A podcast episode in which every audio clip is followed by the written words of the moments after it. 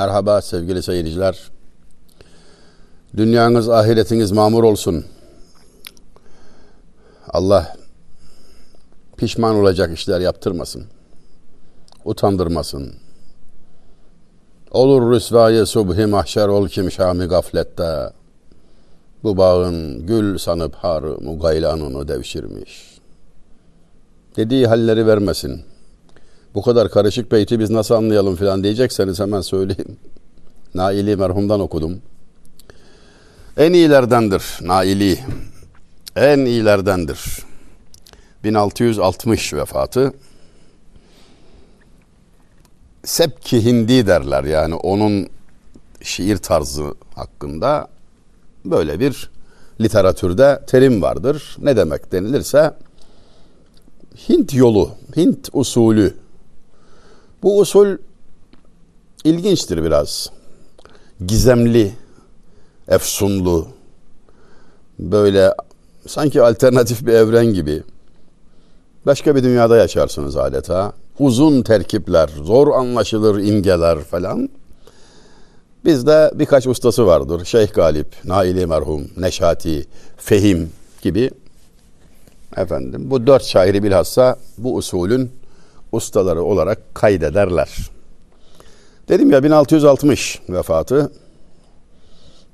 Önce Merkez Efendi kabristanına defnolunmuş. Garip adamın teki. Ve böyleler de zaten garip oluyor. Sonra bir düzenleme olmuş. Kabir yeri değiştirilmiş. Taksim civarında bir yere defnolunmuş. Ondan sonra oradaki kabirde kaybolmuş. Şu anda yeri meçhuldür. Arasanız bulunmaz. Bir divan bırakmış. Edebiyat tarihimizde cidden emsali olmayan, çarpıcı özellikleri olan bir üstadımız. Okuduğum beyt onun. Tekrar okuyalım ve manasına şöyle bir girelim. Biraz gireceğiz canım öyle edebiyat dersi haline gelmeyecek endişe buyurmayın. Aha hoca başları şimdi yandık falan demeyin yani. Lisede öyle yapardık. Edebiyat dersini düzgün anlatan bir hoca yoksa karşınızda böyle bir nasibiniz yoksa eyvah dersiniz yani. İşin tekniğinde boğan ne bileyim işte şurada şu sanat var, burada bu var, burada tecahülü arif. Hadi bildin bilemedin, vezdini söyle tuttun tutmadı falan gibi tatsız bir hale getirmek de bizim adetimizdir. En tatlı şeyi en acı hale getirip bırakırız. Böyle de bir adetimiz var. Olur rüsvayı subhi mahşer ol kim şamı gaflette. Bu bağın gül sanıp harı mugaylanını devşirmiş. Dünya adlı gül bahçesinden akşam bitip sabah olunca mahşere çıkarsın. Orada eğer doğru dürüst bir şey götürmedinse, götüremedinse rezil olursun, rüsvay olursun, mahcup olursun. Ve sana mahşer halkı der ki gül bahçesinden geldin de dikenden başka bir şey bulamadın mı? Buraya getirecek harı gaylan deve dikeni demek. E bahçe bu. Gül de olur, diken de olur. Ama sen ne aldın? Yani neye talip oldun? Kazancını gözettin mi? Aklı başında mıydın filan derler. Mahcup olursun. Öyle olma diyor yani. Öyle olma fırsat eldeyken. Yahya Kemal'in Koca Mustafa Paşa isimli bir şiiri vardır sevgili seyircilerimiz. Koca Mustafa Paşa. Yani vezne uygun bir biçimde üstelik ahalinin kullandığı tarz ile geçirmiş şiirine de Koca Mustafa Paşa değil de halkın söylediği şekilde Koca Mustafa Paşa demiş. Böylece hem söylenişe uygun düşüyor hem vezne uygun düşüyor. Çok uzun bir şiirdir. Tabii ki size böyle uzun uzun şiirler okuyacak değilim. Son iki kıtasına izninizle bir bakalım. Geç vakit semtime döndüm koca Mustafa Paşa'dan. Kalbim ayrılmadı bir an o güzel rüyadan. Bu muammayı uzun boylu düşündüm de yine. Dikkatim hadisenin vardı derinliklerine. Bu geniş ülkede binlerce latif illerde nice yıl cedlerimiz kökleşerek bir yerde manevi varlığının resmini çizmiş havaya ki bugün karşılaşan benzetiyor rüyaya. Kopmuşuz bizler o öz varlık olan manzaradan. Bahseder gerçi duyanlar bir onulmaz yaradan. Derler insanda derin bir yaradır köksüzlük. Budur alemde hudutsuz ve hazin öksüzlük. Sızlatır bazı saatler dayanılmaz bir acı. Kökü toprakta kalıp kendi kesilmiş ağacı, ruh arar başka teselli, her esen rüzgarda, ne yazık doğmuyoruz şimdi o topraklarda. Sonunu okudum. Yani son derece mütevazı bir hayat yaşayan ama son derece huzurlu bulunan insanları evin dışından gözlemleyerek o hayata çok da fazla nüfuz edememenin hüznünü ifade ederek ah demektedir. Orada insanların ahiretle aralarında soğan zarı gibi bir mesafe var sanki. Yani sanki dünyada yaşamıyorlar gibidir. Bir defasında benzer biçimde şu meşhur roman yazarı Reşat Nuri Güntekin, çalı kuşunun sahibi, ağır bir hastalıkla, uzun tedavi gerektiren kötü hastalıkla tedavi görmüş ve sonra vefat etmişti. Hastaneye girişinde gördüğü bir manzara var. Aynı hastalıktan muzdarip, mütedeyyin, salih insanlar var. Eli yüzü nurlu, eli tesbihli. Yüzünde bir de tebessüm var iyi mi? Yani gidiyor bu dünyadan ama mütebessim. Hastalık ölümcül bunu biliyor. Ama kahretmiyor, şikayetlenmiyor. Onların hallerine bakar, imrenir, hatta kıskanır. Ah şunlardaki huzur bende de olsaydı dermiş. Ama tabii nasip meselesi. Kavuşmadığı, kavuşamadığı nimeti o da fark ediyor ve hüzünleniyor. Kendisi telaşlı, panikli, efendim huzursuz. Aynı hastalıktan muzdarip o güzel insanlar gayet neşeli. Ölüm güzel şey budur perde ardından haber. Hiç güzel olmasaydı ölür müydü peygamber? Havasında gidiyor. Ölüm ölene bayram, bayrama sevinmek var. Oh ne güzel bayramda tahta ata binmek var. Tadında gidiyor. Kapı kapı bu yolun son kapısı ölümse. Her kapıda ağlayıp o kapıda gülümse. Renginde gidiyor. Ve bunları görüyor. Aynı yerdeler. Saatlerce bekleştikleri oluyor. İmrenmez mi insan? Cemil Meriç Üstad iman sahibi samimi bir Müslümanın huzurunu tarif ederken hangi ideoloji, hangi havalı sözler, felsefi cereyanlar insana bu huzuru bahşedebilir diye bir işaret verir. Doğrudur. İman o hakiki dışında, samimi iman dışında insana kalıcı huzur verecek hiçbir şey yok. Ve olamaz sahibini bilmeden insanın rahat etmesine imkan ve ihtimal elbette yok. Okuduğum şiirde Yahya Kemal'in şu iki mısrağına dikkat çekmek isterim. Derler ki ki yok. Derler insanda derin bir yaradır köksüzlük. Budur alemde hudutsuz ve hazin öksüzlük. Yani bunu anlaşılmayacak bir yer yok tabi ama en büyük öksüzlük köksüzlüktür şeklinde nesre çevirebiliriz. En büyük öksüzlük köksüzlüktür.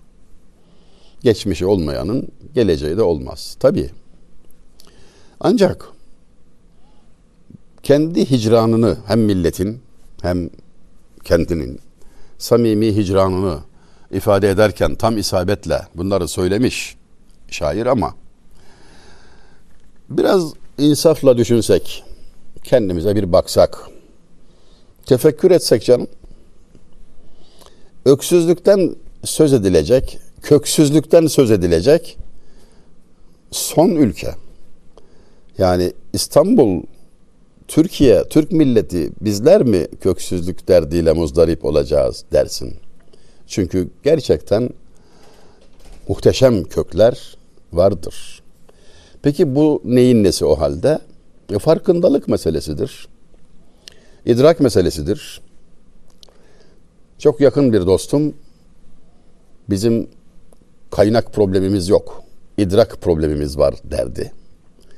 Yani iki ay olmadı ahirete gideli. Bugün de onu anmaya dair bir toplantıya iştirak edeceğim çekimden sonra. 30 yıl kendisiyle dostluk ettim.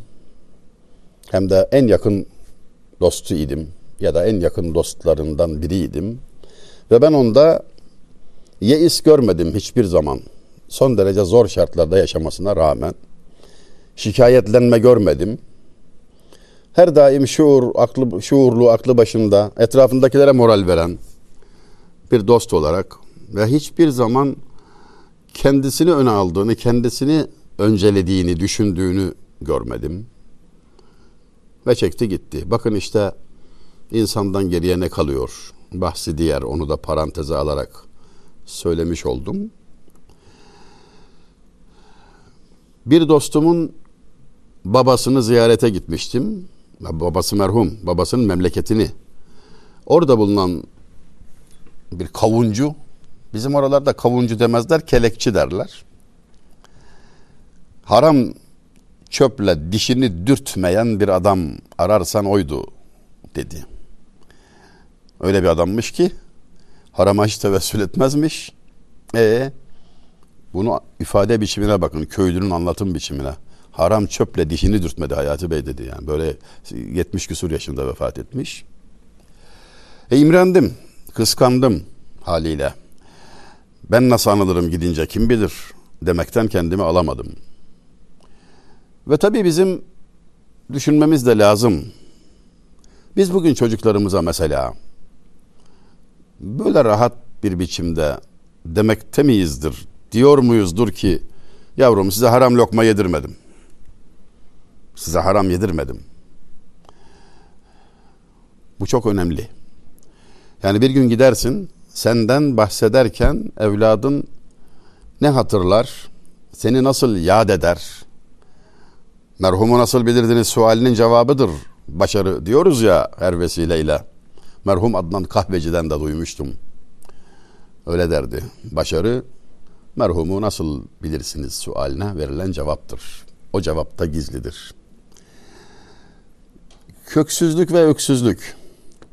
Bizim bir köksüzlük sıkıntısı yaşamamız ki bir miktar böyle bir ızdırabımız olduğu açıktır. Ancak ihmalimizden olur. Gafletimizden olur. Adam sen de dememizden olur. Kanuni merhum bir soru sormuştu. Devleti Osmani ne vakit inkıraz eder? Şeklinde bir soru sormuştu. Rivayet muhteliftir. Ebu Suud Efendi'ye sordu diyen var. Beşiktaşlı Yahya Efendi'ye sordu diyen var. Neticeye tesiri yoktur. Hiç önemi yok onun. Kime sorduysa sordu. Aldığı cevap önemli. El cevap neme lazım. Şimdi öyle bir cevap ki bu. Evet. Şeyhülislam fetvası, alimin cevabı kısa olmak esastır. Çok laf çok hata. Kısa olur doğru da e, sual de ona göre hazırlanır. Geniş kapsamlı bir sual sorulur. Olur mu dersiniz? O da el cevap olur der biter. Fakat bu suale bu cevabın gelmesi hem de böyle biraz da lakaytmış gibi, lakaydi hissettiren neme lazım cevabı merhumu sinirlendirdi. Kanuni merhum babasına çekmiş az da olsa sinirlendi haliyle. İşte azletti filan falan arkasından yerine tayin olunan Edirne müftüsü gelmem dedi. Neden gelmediği sorulunca o, o hayattayken biz oraya gitmeyiz haddimizi biliriz filan. Yani merhum avukat Yusuf Türel'den dinlemiştim. Mecburen sordu. Böyle cevap vererek bizi kızdırdın hocam dedi. Yani nedir bu cevap? Halbuki cevap yeterince açıktı. Kendisi şerh etti. Efendim iki manada, iki vecihli bir cevap verdik. Neme lazım dedim çünkü Devlet-i Osmani ne vakit inkıraz eder sualinin günümüz Türkçesiyle karşılığı Osmanlı Devleti ne zaman çöker? Çöker mi? Evvela bu sorunun soruluş tarzına dikkat kesilmek lazım. Bu soruyu soran Kanuni Sultan Süleyman. Yani kendisinden habersiz kuş uçmayan bir dönem. 52 devlet bağlı yani muhteşem Süleyman. Allah gani gani rahmet etsin. Yani onun yıkılış dair endişe taşıması bir defa çok yüksek bir şuur seviyesine işaret ediyor. Demek ki dert etmiş, düşünüyor. Tamam. Bu anlayıştır, kavrayıştır. Allah hepimize nasip etsin. İkbal günlerinde şımarmayıp yani acaba bugün bahar ama ne bileyim ben arkasından bir şey gelir mi bir felaket gelir mi? Gelirse sebep ne olur? Ne gibi tedbirler almalıyız? Dikkati şuurudur bu sualin arka planındaki motivatör. Ondan sorar adam yani. Peki neme lazım cevabı burada ne işe yarar? Ne demiş oldum? Birincisi benim problemim değil sultanım. Yani yönetim sende dikkat edeceksin, gayret edeceksin, uyumayacaksın, tedbirli olacaksın. Neme lazım. Yani laiklik kavramına bir de bu pencereden bakmalı mı? İyi olur. İkinci mana ise, cevaptaki ikinci mana ise neme lazım çoğalırsa, insanlar neme lazım demeye başlarlarsa, şuur zayıflarsa, sıkıntı var, dert var, görülüyor. Ama diyor ki yani şimdi benden uzakta diyor yani neme lazım, bana dokunmuyor ya filan derse bilhassa görevliler, sorumlular işte o zaman devlet çöker demek istedik. Diyerek hem gönlü alındı sultanın hem cevap bir açıklık bir sarahat buldu. Vuzuh kazandı. Bize de ders oldu. Sakallı Celal demişti. Bu memleketin bilgilileri ilgisiz, ilgilileri bilgisiz. Lafa bak. Bu memleketin bilgilileri ilgisiz diyor. İlgilileri de bilgisiz. Aynı adamın Sakallı Celal'in böyle çok dikkate şayan sözlerini belki hatırlamakta fayda var. Biri şuydu. Doğuya giden gemide batıya koşan tayfalarız. Aydınları kastediyor. İçlerinde kendisinin de bulunduğu münevver tayfasını kastediyor. Okumuş yazmış, okur yazar çizer takımını yani. Düşünen falan kısmını kastediyor ve diyor ki gemi doğuya giderken biz batıya koşan tayfalarız. Yine bu memleketin aydınları demişti ki kendisi mutlaka dahil.